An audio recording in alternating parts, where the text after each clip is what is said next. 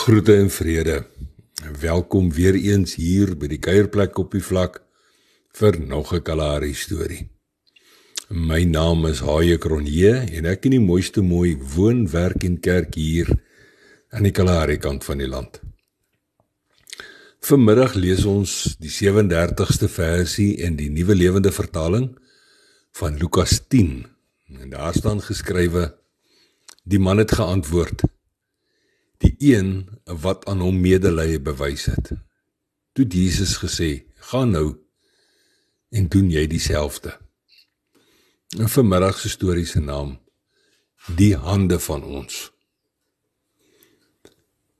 Nog voor ontbyt op die tafel was, het Faitjie so skeef skeef oor die vlak aangekom. 'n Faitjie ken verwerping en afjakking en ook verkleinering baie intiem op die voornaam want Faitjie was vanaf geboorte nog net nooit goed genoeg nie. Vir niks nie. Vir absoluut niks nie.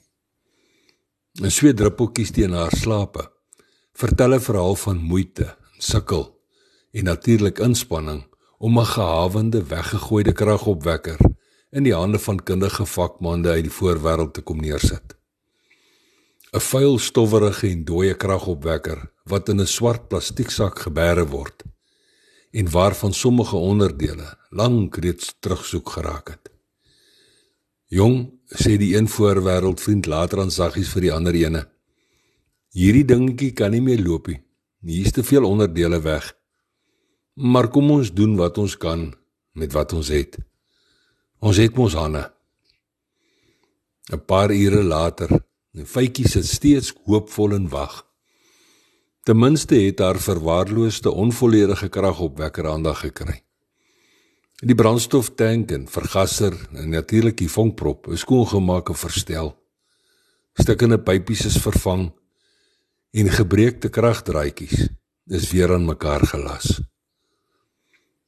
Met 'n hart wat oorloop van verwagting word die masjienkie se tou getrek. Niks gebeur nie. Absoluut niks nie.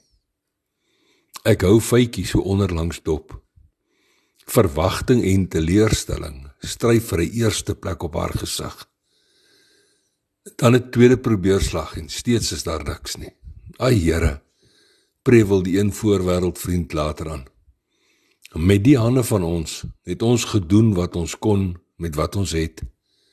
Nou moet U help asseblief, Here. En weer word die tou getrek en 'n klein wit-grys wolkie ontsnap skielik uit die uitlaatpyp. Opeens sit Faitjie regop en kyk met groot oë. En nog 'n keer word die tou getrek en so begin die masjienkie al lopende hoes en proes.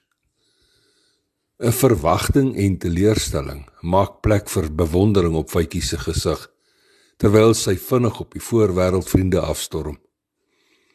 Sy omhels die naaste een aan haar terwyl sy hardop uitgil: "My Here leef!" Ek het geweet die Here sal hom maak loop. Die Here het net 'n paar hande gekort.